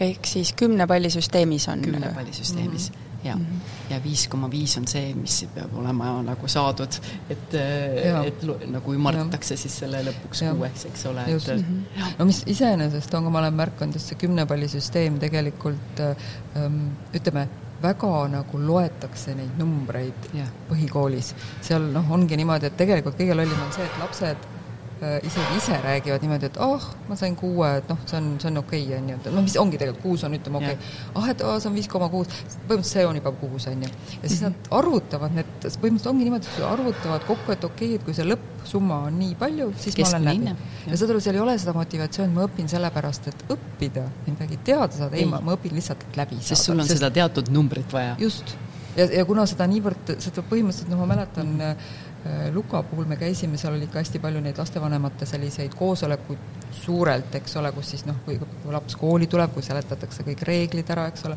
siis igal pool alati seda märgiti ära, noh, selline õppimissüsteem, selline punktisüsteem on ju, see peab sul vähemalt olema, eks ole, siis sa saad edasi, siis on nii, siis on nii, eks ole, aga kõik oli nagu hästi ütleme, nagu arusaadav selle koha pealt, et kool tahab oma õpilaste arvuga teatud tasemel püsida, selleks et saada riigi poolt siis ütleme noh, loomulikult mingit toetust, on ju, palju neid õpilasi siis lõpetab, kuidagi see on nagu sellele orienteeritud, mis on ühest küljest muidugi äge, eks ole, et lastel on nagu teatud määral lihtsam, aga teisest küljest nagu lapse enda koha pealt mm -hmm. on see tegelikult mingi bullshit. selles mõttes, et ainult arvutada nagu seda ei ole absoluutselt mm. -hmm no matemaatikas, keskmise arvutamises mm -hmm, saavad tugevaks. jah, ja, ja, ja arvestades igasuguseid võimalusi, et mida ma pean siis nii kaugel viima, et ma nagu läbin siis no, selle. just, õpivad leidlikuks, noh, tegelikult, mis tegelikult hollandlastele ju väga hästi sobib, sest nad on ju suured kaubitsejad mm -hmm. olnud kogu aeg. No.. aga kui palju nad kaubitseda saavad koolis, et valikaineid valida, on see või ongi, et kui sa oled valinud, sa rääkisid siin nendest radadest, et kui sa seal rajal oled, siis need, need on ja valikuid selle raames enam ei ole või on valikaineid ka? Huviringid tulevad juurde, koolid pakuvad selliseid asju peale koole, peale kooli Ja. Hollandi koolis ei pakuta minu arust huviringe Tege. tegelikult olenevalt koolist, jah, sest ma olen tegelikult ise õpetanud kunsti Rauli koolis enne, kui ta, enne kui ta läks sinna, just sellepärast, kuna mul sõbranna seal töötab ja nendel olid näiteks äh, spetsiifiliselt just eraldi noh, ütleme moehuviring, seal mingisugune telereporter on ju. astroloogia, mina tean meie juures, näitlemist. jah ja just, eks ole, ja siis meie õpetasime tookord koos sõbrannaga kunsti neile ja, ja sel, selles koolis näiteks oli, aga see oli tõepoolest ka valikainena, eks ole, ja mm, -hmm. ja tegelikult vot seal on ka nagu selline noh, vähemalt ma märkasin kooli profiilist, et see on selline natukene akadeemilisem, et seal on paljud, paljud lastevanemad on, on ikkagi nagu noh, ülikoolis käinud, mis iganes, noh, hollandlastel on tore sõna, kutsutakse kakk, see on natuke selline ninapesti niisugune pintsakuga. jah, punased püksid pintsaga, eks ole, noh, mõned ütlevad vana raha, eks ole, no ütleme, sellised äh, nagu erudeeritumad, intelligentsemad äh, nii-öelda. Ja seal vanemad just nagu väga just toetasid seda, et on kunstiringid ja näiteringid Muusika, ja muusikaringid, et, et tõesti sellised nagu hobiringid oleks toetatud, aga seda tõepoolest kõikides koolides ei ole. just ja -hmm. koolipäev on ka muidugi algkoolis on pikk, pikk koolipäev võrreldes Eesti kooliga, et siin on ta kella kahe või kolmeni vähemalt, et et siis peab laps koju jõudma ja, ja võib-olla läheb kuskile sporti tegema, et et siis ja. need huviharidusained mm -hmm. peaks tegelikult olema koolipäeva sees ja tihti on juba muusika nii-öelda nende arvates huviharidus. jah mm -hmm aga valikaineid siis põhimõtteliselt koolipäeva keskel, et mul on nüüd valida, et kas ma õpin vene keelt või õpin itaalia keelt, seda valikut ei ole, et koolil on ikkagi oma suund nii-öelda olemas. no tegelikult on niimoodi, et äh, jah, ütleme itaalia keel on võib-olla selles mõttes niisugune no ma tõin selle lihtsalt. aga, aga nagu tavapakett on ju loomulikult, sul on hollandi keel, inglise keel, saksa keel, prantsuse keel, see on selline tavapakett mm -hmm. ja kui, kui sa oled siis selles kõrgema astme äh, keskkoolis nii-öelda, mis lõpeb siis gümnaasiumiga, siis on sul ka ladina keel tegelikult juba -hmm. alates ju kaheteistkümne, kolmeteistkümnendast mhm. eluaastast, eks ole. nii et, et, et ütleme, valikained tegelikult on, aga vot need, see ongi see profiili valik nii-öelda, mis toimub siis, kui sa oled neliteist, viisteist, kui ma ei eksi. ja seal sa saad ise siis otsustada, mis, mis, mis see tegelikult on, tegelikult väga hea jälle see Hollandi koolisüsteemi pool minu meelest, nad vaatavad, noh, see ongi nagu nii-öelda taotluslik, nad vaatavad, mis on sinu võimekus ja näiteks kui sa oled, ütleme tõepoolest, matemaatika ei ole väga hea, kuigi matemaatika on lõpuni väljatähtis aine, eks ole, siis näiteks sa võid jätta ära mingisugused ained, mis pole nagu sulle väga sobilikud, mida, millest sa nagu hästi aru ei saa või kus sa nagu nii tugev ei ole ja kuna sa ei taha pärast seda minna näiteks täppisteadusi õppima, siis, siis ei olegi vaja, et tegelikult sa seda füüsikat või keemiat edasi järgid samamoodi on võimalik jätta, eks ole, sa mingi hetk näiteks valid kas prantsuse keele või kas saksa keele, on ju. Et noh, ütleme keelevalikud ja teatud ainevalikud sa võid, ühesõnaga teatud ained sa võid jätta. ja. ja siis liigud ainult edasi selle viimase paketiga, mis sa oled ise kokku pannud. jah, siis sealt tulebki, et kas sa lähed no, humar-, humanitaari poole või, või täppisteaduse, aga vahel on ka näiteks minu poeg oli täpselt nende kõikide nagu valikute vahel, et tal ei tekkinud sellist eelistust ja siis on jällegi väga, väga raske nagu, mida sa siis valid, eks ole, et ähm, no me lihtsalt äh, Eesti koolis aeg-ajalt räägime, et võiks lastele valikuid rohkem pakkuda, et meil on hästi konkreetne tunniplaan ja noh, see valik tuleb ükskord gümnaasiumis, kus ma saan siis valida, et kuhu gümnaasiumisse astun. aga Hollandis ikkagi no paneb mind imestama see, et äh, kõik räägivad nagu imeilusat inglise keelt oh,. et, äh, et mismoodi toimub see inglise keele õpe, et see, see keel nagu on siis noh, imehästi omandatakse ja kas teised keeled on sama heal tasemel prantsuse keel, mis sa siin mainisid, kõik mm. keeled, on ju, või on see ikkagi kuidagi mingi metoodika inglise keele õpetamisel on mingi unikaalne, et või aru, alustatakse nii varakult? tead, mina arvan, et varakult ei alustatud hiljem kui Eestis ja. lausa. aga tead, minu meelest on tegelikult see taust hoopis mujal, minu meelest on just see, et, et näiteks siin ei, ei, ei räägita, eks ole, filme, kuidas nimetatakse, dubleerita filme, eks mm -hmm. ole, mhm. kõik on inglise keeles, inglise keel on tegelikult igapäevases elus nagu suhteliselt tähtsal kohal. ja see on populaarne keel. ja see on populaarne ja. keel, eks ole, ja kuna meil on muidugi selline multikulti ühiskond, eks ole, mm. -hmm. siis inglise keel on üks nendest keeltest muidugi, mida peaaegu kõik räägivad. ja noh, loomulikult vaata, palju on ju siin ka majanduslikku tegevust, eks ole, kus on samamoodi ju internatsionaalseks keeleks inglise keel, sest äh, huvitav, noh, muidugi praegu ütleme, noorte puhul, ütleme, kui me oma lapsi vaatame, siis väga palju inglise keelt tuleb loomulikult ju game imisest. Ja, ja, ja, ja filmide vaatamisest, aga ma arvan, et siin on see suur osa. Ja näiteks noh, tõesti, Raulil on, noh, minu pojal on inglise keel on kõige parem hinne koolis. ja mitte sellepärast, et see koolis nagu nii hästi õpetatakse, sellepärast et ta game ib ja ta vaatab ingliskeelseid filme. Neljateistaastaselt siis ma räägin praegu ka nii hästi inglise keelt, kui tema räägib, parandab mind mõnikord. pigem ühiskonnast, mitte, mitte koolisüsteemist, et koolisüsteemis ta kindlasti ei erine saksa keele või prantsuse keele õpetamise metoodikast. aga kas hollandlased ise mures ei ole, et nende keel niimoodi välja sureb? Hea küsimus, tegelikult ähm, ma, ma isegi ei ole ausalt öeldes sel-, sellist asja väga jälginud, ma mõtlen just seda, et hollandlastel on te-, ütleme, et meil on see klassikaline hollandi keel mm, -hmm. aga tegelikult hollandlastel on ka väga palju dialekte. ütleme sama, mis, mis Eestis on nüüd meil Võru murrak, on ju, või siis noh, tasapisi kuskilt märkad, mis iganes, noh Eestis on vähe tegelikult selliseid mm -hmm. väga teistmoodi keeli, eks ole, noh setu keel on ju, kas setu ongi Võru või? Jah ja., ühesõnaga jah ja. ja.. siin on, siin on tegelikult põhimõtteliselt iga kahe kilomeetri tagant oleks eraldi murrak, eks ole. eriti kui sinna lõuna poole minna, Limburgis ja teisele poole Frisland, eks ole, on täiesti, nad tahavad ju omaette vabariiki asutada, see on nagu Setu kuningriik, eks ole.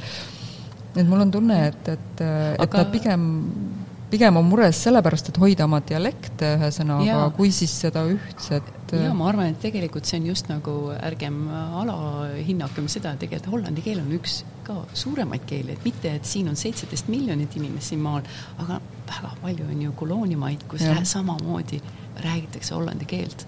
nii et tegelikult äh, see number, kes hollandi keelt räägib, on väga suur. et ja. Äh, selle koha pealt on pigem, ma arvan ka, nad austavad oma dialekte ja ja, ja need on siiamaani hästi kuulda. ja kui põhja minna, siis ei saa mitte midagi aru. Siis aga ongi, kui mõtled Surinaami, eks ole, siis kõik need Antilli saared on ju, neil on nüüd, nad räägivad ju kõik hollandi keelt, aga samas räägivad ju oma seda papimentot, eks ja, ole, või siis Surinami keelt ja, ja Lõuna-Aafrika, eks ole, mis ja. kõlab hästi hollandi keele sarnaselt, aga samas ka mitte, eks ole. täpselt, täpselt, äh, jah ja meil on ju siin äh, nii-öelda flaami belglased kõrval, eks ole.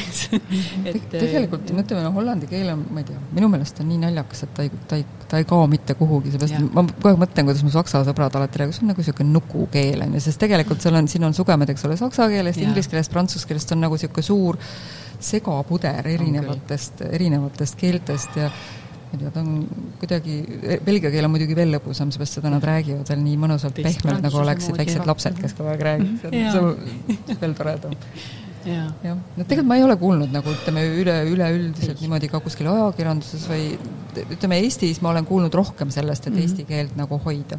just aga võib-olla on ainus, millest on nagu juttu olnud pigem see, kuidas, kuidas siis ütleme, need inglis- ja noh, eriti ingliskeelsed väljendid seda keelt mõjutavad, noh, nii-öelda risustavad mm, -hmm. et mhm. kuidas nagu mugandada, sama, mis meil Eestis on see sõnaus, eks ole, et kuidas nagu mingit uudissõna nii mugandada siis eesti keele jaoks selliseid asju siin tegelikult vist ei tehta, siin võetakse kõik üle inglise keelest. tihti küll. Mm, -hmm. tihti küll. Ja see teeb nagu lihtsamalt, lihtsamaks selle arusaamise, vahepeal ma loen eesti keeles neid tõlgituid, tõlgitud või nüüd uusi sõnu, uusi sõnu ja siis mõtlen, vahepeal küsin, mis see tähendab, ei saa aru. Aga mis te eesti keelest arvasid, arvate, et sa ütlesid, et sa oled kuulnud, et eesti keele pärast muretsetakse, et kuidas te ise tunnete, et kas eesti keel on ohus? Ma ei oska öelda, mina ise nagu tundsin, kui minul nagu lapsed sündisid, siis ma tundsin, et see minu, minu missioon on see, et minu lapsed saavad eesti keelt rääkima. Ja nii sai, et äh, see läks üsna loogiliselt ja sellisel loomulikul teel ka ja, ja tegelikult on, eestlane armastab oma keelt ja mina olen näinud nagu selle aja jooksul, mis ma siin Hollandis olen olnud, et ikka väga paljud valivad selle keele hoidmise ja just emana ja vanemana äh, hoitakse seda keelt, et mina arvan üldises nagu mõttes ei, ei ole see keel ohus. et no, kuskil ta põksub. keeleliselt ma kindlasti, et nagu isegi kui me vaatame, et meid on nii vähe, eks mm -hmm. ole, siis keeleliselt ma ka ei usu, et see kaob, sellepärast et meil, me, meis kõigis on ikkagi mingi selline uhkus, et kui me oleme juba seitse tuhat aastat, neli tuhat, seitse tuhat, mis iganes, suutnud püsida, eks ole, siis me püsime ka edasi ja koos meiega meie keel pigem, siin on see väike see keele muutumine, eks ole, keelekasutus, see mugav keelekasutus, släng, eks ole, mis kõik sisse toob, et see, ütleme, mis on siis neil selline kirjanduslik keel, eks ole, sest noh, ma märkan just, et viimasel ajal, eriti viimastel aastatel üha rohkem jälgid, kuidas sa räägid, mis sõnu kasutad, sest sõnal on nii suur tähtsus. et paljusid sõnu ju noored inimesed enam ei tea, noh, eriti veel sellises tekstikultuuris, eks ole, kus põhimõtteliselt ju kõik eks käib, eks ju, stakatas. Et võib-olla siin on mingi väike oht, et kuna, kuna just nagu vaata, lugemuse väheneb, eks ole, noorte hulgas, see on kusjuures meie, meie teemaks ju emakeelepäevadel on raamatukogude aasta mm. -hmm. minu meelest ma väga ootan seda Merle Liivaku loengut, kes kes räägib sellest, kuidas lapsi tagasi raamatute juurde saada, mis on mm. nagu tõesti suur probleem, sest siit algab ju tegelikult ka lapse keele, kas ta siis on eesti keeles või hollandi keeles, nüüd vahet ei ole, tema keeletunne, tunnetus hakkab sellest, palju ta, palju ta lugemus on, eks ole mm. Ja, ja ma arvan, et niikaua, kui meie suudame seda veel stimuleerida, siis, siis ta jääb kestma, jah. jaa, mul on hästi ja. vahva lugu, kui me, mina tulin kakskümmend aastat tagasi Hollandisse ja ma mäletan just Kairega saime ühel Eesti peol kokku ja siis üks vanaproua oli seal ja ta ütles, et kas te teate, et nüüd nad kutsuvad kompuuterit arvutiks ja siis meie jaoks oli väga normaalne sõnum, loomulikult kutsuvad, on ju, aga nüüd oled ise ka ikkagi sellises äh, olukorras, kus teatud noh, kuvatõmmis või et mis see on, on ju. et, et äh, see keel nagu areneb pidevalt edasi ja kuigi me nii palju loeme eestikeelseid uudiseid ja lähed selle keele arenguga kaasa, aga siiski sa ei ole selle igapäevakeele sees. et teatud kohtadel on nurki, kus sa mõtled, ahah, et näed, et see on minust mööda läinud mm, -hmm. et mul oli just see vana proua, kes nagu nii oli vaimustunud sellest sõnast, kuna see on nagu eraldi sõna, eks ole, välja mõeldud sõna arvut mm. -hmm. et äh, see oli nagu, me käisime Ilo, Ilo Miklandil külas ühe projekti käigus ja tema, temaga tahtis intervjuud teha üks mu tuttav enne seda, kes, kes, kes teeb globaalsete eestlaste programmi ja tema ütles, et ta oli kokkuleppe saanud ja kõndis talle sinna ukse taha Stockholmis ja siis Ilon ütles talle selles intercomis, ütles, et ei, mina ei saa täna teiega kokku saada, mind on haigeks kirjutatud ja noh, kuna no seal on jälle muidugi teine asi, eks ole, et see on see vana keelekasutus, eks ole, vana generatsioon, eks, aga väga lustlik ühesõnaga mm. -hmm. no sina, Agnes, juba ütlesid, et sa oled kakskümmend aastat siin elanud, et äh, teised, ma kujutan ette, Kaire ilmselt sama võidab mind. võidab isegi ja, ja Margit? viimasel kohal praegu. aga kaua? esikolmik. no just, et äh, mis te arvate, kas on kunagi võimalus, et äh, pöördute Eestisse tagasi elama või teie lapsed lähevad kas õppima või elama sinna? oh jaa, mina, minu jaoks on see täiesti väga lahtine võimalus, aga ma pean ka ütlema, et mulle väga tegelikult meeldiks pigem selline, kus sa saad olla kahe, kahes kohas pendeldada. vabalt pendeldada mm. -hmm ja see ei pea üldse olema Holland, eks ole, mingi hetk see võib olla ka midagi muud, aga Eesti absoluutselt on küll väga kindel koht, kuhu tagasi pöörduda ja, ja kuigi noh, ütleme konkreetset plaani ei ole, aga see tunne lihtsalt on, et, et loomulikult võib see juhtuda. jah, sama siin, et äh, minu mees on tegelikult täiesti suur Eesti fänn ja, ja tegelikult ongi see, et praegu on nagu lapsed siin olnud koolis ja oma tegemistes, et äh, ei ole nagu seda liikumist kuidagi sinna tekitanud, aga poeg on juba Eestis kaitseväes, kes teab, ja tütar on muidugi siin koolisüsteemis, aga täiesti nagu see uks on lahti, kohe kindlasti see uks on mm -hmm. lahti. et ei oska küll tõesti mingit konkreetset äh, planeeringut siia taha panna, aga kes teab mm, -hmm. kohe kindlasti see Eestis käimine ja pendeldamine on ka väga tore mm. -hmm. ja ei ole ka välistatud, aga, aga Hollandis ma olen rohkem eestlane, kui ma Eestis kunagi olin, et ma arvan, et meie mot-, see, see tunne, mis meil praegu on eestlasena olla, on nagu hoopis teistmoodi sest siin oleme kui tegelikult visiitkaardid, me igaüks esindame Eestit siin. et äh, kui tuleb, väga tihti on hetki, kus oota, Eesti, et hollandlased nagu kohati nad teavad ja kohati ei tea ka, et Eesti, Läti, Leedu, nad teavad, ahah, tea, pealinn Riia, jah? Ja siis äh, tegelikult nad teavad üsna vähe ja tegelikult oligi mul väga vahva on nagu näha olnud, et äh, tihtipeale on sellist vanem hollandlane, kes võtab oma kämpingu kaasa ja läheb reisile sinna nii-öelda Balti riikidesse ja avastab seda loodust ja neile väga meeldib, Eesti.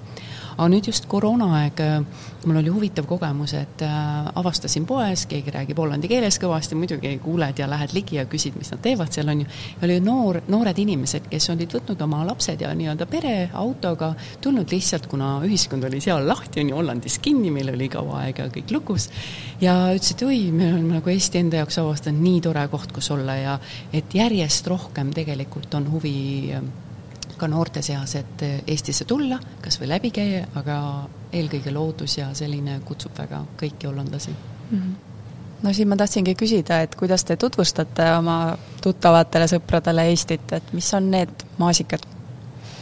loodus ja kindlasti loodus, Eesti köök on kindlasti väga tähtis, meil oli näiteks väga äge võimalus mõned aastad tagasi, kui me avasime seal näituse, siis mul Hollandi sõbrannad, kes teadsid, et ma selle näitusega te tegelen, äh, tulid äh, kohale kolmeteistkümnekesi. Nii et nad oli nädalavahetus Tallinnas, kus oli siis see näituse avamine. Ja siis ma orgunnisin neile, noh, andsin erinevad, erinevad restoranid, kuhu nad said minna ja nad on siiamaani, see on nüüd kolm aastat tagasi, siiamaani räägivad sellest, kui äge see oli, kui maitsev see oli, kui nii, kui naa, eks ole. see, see on kindlasti üks, üks magnetitest ja väga paljud inimesed ju ähm, neile meeldib just nagu ringi reisida, eks ole, kes, minul on küll tegelikult väga palju inimesi kohtunud, kes on Eestis käinud, täiesti ja. juhuslikult tuleb välja, oo oh, jaa, muidugi ütleme, oo, see on väga äge, eks ole, oo, see digi, eks ole. nii et äh, ja mida muidugi teinud oleme siin nüüd juba mitmeid kordi, on Rotterdamis üks väga äge projektigrupp, äh, kellel on äh, väga pikaajaline kogemus just nagu erinevate kultuuride ühendamisel.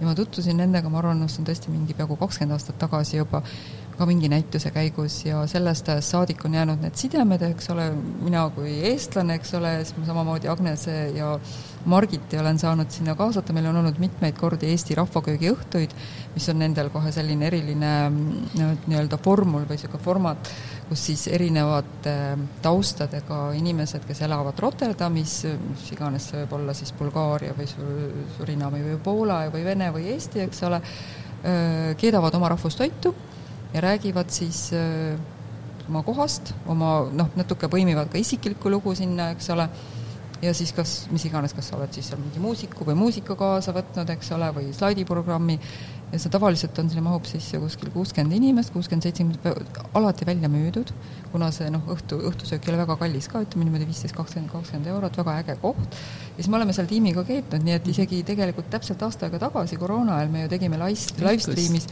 keetsime ju ja. Eesti sööki, jälle tegi kringlit, eks ole, kartulisalatit ja siis ise noh, nagu presenteerisime seda rääkisime seal tund aega, seda filmiti ja samal ajal, kui inimesed siis nagu vaatasid, kui me seal süüa tegime, said, said ennast kirja panna ja siis, kui see läbi oli, said nad söögile järgi tulla, kes olid siis tellinud, et väga mm. ägedalt oli tehtud, nii et kõik olid kenasti rahvariietes seal, nii et see on äh, ja,, rahvariided on muidugi ka ikka täielik visiitkaart, sest absoluutselt, äh, me ise no, tantsime, meil on tan-, äh, naisrühm äh, Tuuletütred, Kaire ei tantsi meil, aga me laulame me laulame. ja, ja seda on hästi tore olnud näha, et kui me, meil on igaühel erinevad rahvariided, kaksteist naist tulevad iga oma nagu, kust nad pärit on, nende rahvariietega siis lavale, kuidas see on nagu tegelikult nii palju on seda tutvustanud Eestit läbi selle. Mm, -hmm. me oleme festivalidel igasugused, isegi ööklubis oleme tantsinud rahvariietes, nagu nii, ja kõik on nagu niivõrd äh, hämmingus olnud, et oota, rahvariided, siis nad mõtlevad, et see peaks olema mingi väga selline staatiline ja siis me tantsime mingi väga toredaid äh, tänapäevaseid rahvatantse, mis on tõsi, tõsiselt lõbusad ja hookad ja rõõmsad. et äh, me oleme nii palju nagu head tööd teinud, et Eesti nagu kaardile ilusti panna ja, ja et nad teavad, et mis meil seal toimub. Jah, ja me oleme ju korraldanud kaks korda ka kõlavööd ja. Amsterdamis. meil on plaanis kolmas kord nüüd korraldada, loodetavasti järgmine aasta, tähendab seda, et siis Eesti kultuuri tutvustavalt on meil olnud siin äh, koorid, kuna me ise laulame Euroopa eestlaste kooris, siis on koorid tulnud, on tulnud Eestist külalised, noh viimati oligi neli aastat tagasi meil see, oli nüüd neli aastat tagasi kõlavöö, oligi Amsterdamis suures kirikus äh, ja selleks publikuks oligi tegelikult Hollandi, Hollandi publik, et just nendele tutvustada seda Eesti koorilaulu ja tantsu, ja laulvat revolutsiooni, mida ja, siis nad natuke teavad, et andsime neil siis nuusutada ja just. nagu see, need, kes seal käisid, need tulid ikkagi õhukõrvad püsti, tulid sealt nagu saalist ära, et see oli nagu, muidugi me ise laulame ka niimoodi, et äh, pisar on silmis ja klomp on kurgus, aga aga selles suhtes see on nagu nii, nagu see energia on nii kõrge ja ülev ja, ja ongi äge see kogu see fenomen, mis seal nagu, see energia seal käima läheb tegelikult on, lisan veel juurde, et Hollandi publik on väga tänuväärne selliste etteastete ja selliste nagu nähtuste suhtes, ühesõnaga mis iganes see hõlmab siis sellist söögi tegemist koos, rahvariideid, laulu, tantsu ühesõnaga, sest siin tegelikult peetakse sellist rahva ja, ja, ja rahvalaulu, rahvatantsu äh, traditsiooni veidi selliseks arhailiseks, seda seostatakse -hmm. seal mis iganes Seelandis või Frieslandis, puukingad, valged tanud peas, pigem turistlik atraktsioon kui siis selline äh, ütleme, niisugune elav, sillerdav ja. Äh, kultuuri, eriti kui noored inimesed, eks ja. ole, noh, kes, kes te siin naised kõik meil olete. et nende jaoks on unikaalne see, et inimesed päriselt tulevadki kokku ja just, teevad seda, et see ei ole teater, vaid see ongi teie ühistegevus. ja see elab ja see on mhm. pidevalt tegelikult ju arenev, et kui ma räägin, et me läheme tantsupeole ja meil on uued tantsud, et need ei ole nagu ainult mingi nagu kaks aastat, kakssada aastat tagasi. täpselt, täpselt. ja siis nad, ma olen nagu näidanud neid videosid ja nad on täiesti nagu niivõrd nagu üllatunud, et nad alati küsivad, miks ei ole siin meedias seda kajastatud? Mm.. nii võimas sündmus nagu tantsu- ja laulupidu, kui ma räägin, kui palju rahvast seal koos on ja kes kõik esinevad, ja nad kogu aeg miks, kuidas see on võimalik, et nad ei kajasta seda? Kas või ühte klippigi. kuigi vist eelmine kord oli. eelmine kord oli jah, ja tegelikult meie ju kõlapäev ju lähtuski sellest, et me tahtsime kajastada nagu minilaulupidu, et mida see nagu tähendab. jah ja nii et see vaikselt meie tegevus kannab vilja. väga hea. aga teeme nii, et viimane küsimus nüüd, et äh, homme tegelikult on Eesti Vabariigi sünnipäev, et äh, mis on teie soov või, või kingitus Eestile või millist Eestit te tahate, et saate ise selle küsimuse formuleeringu nagu sõnastada nüüd, et et äh, mõeldes Eesti sünnipäevale mina võin öelda Eestile, et mina hoian tõesti lippu väga kõrgel ja hoian Eestit väga oma südames ja kannan tõesti igapäevaselt äh, rõõmuga seda tunnet, ma olen eestlane, mul on jätkuvalt Eesti pass. ja mitte, et see nüüd midagi selles suhtes nii olulist on, aga äh, jätkuvalt ma olen nagu oma tunde kohaselt ei ole saanud seda vahetada aga rõõmuga ajan Eesti asja siin Hollandis, äh, loon nii palju toredaid sündmusi kui võimalik meie ägeda tiimiga ja, ja kes teab, äh, võib-olla ühele, ühel päeval olen ka Eestis kahe jalaga, aga ütleme sinnamaani äh, ma kohe kindlasti jään Eesti vahet käima ja, ja loodan, et meie Eesti riik püsib äh, ja areneb rõõmsalt edasi, nagu ta siiamaani teinud on. aitäh sulle, Agnes! mina sooviks Eestile tegelikult ähm, tarkust ja kergust ja mõistlikkust, see avatust endiselt, et see jääks avatuks ja, ja võib-olla vähem niisugust üksteise vastu koledasti, koledaks olemist ja, ja vaadates just seda viimase aja pingelisust, mis on seotud loomulikult meie koroona taustaga, praegusel hetkel Ukraina taustaga, eks ole, kus tõepoolest praegu väga konkreetselt ju väga paljud inimesed loomulikult tunnevadki ohtu. et ma väga loodan, et, et, et meil ei ole nagu põhjust, ei peaks olema põhjust karta, et midagi juhtub, et, et Eesti jääb kestma.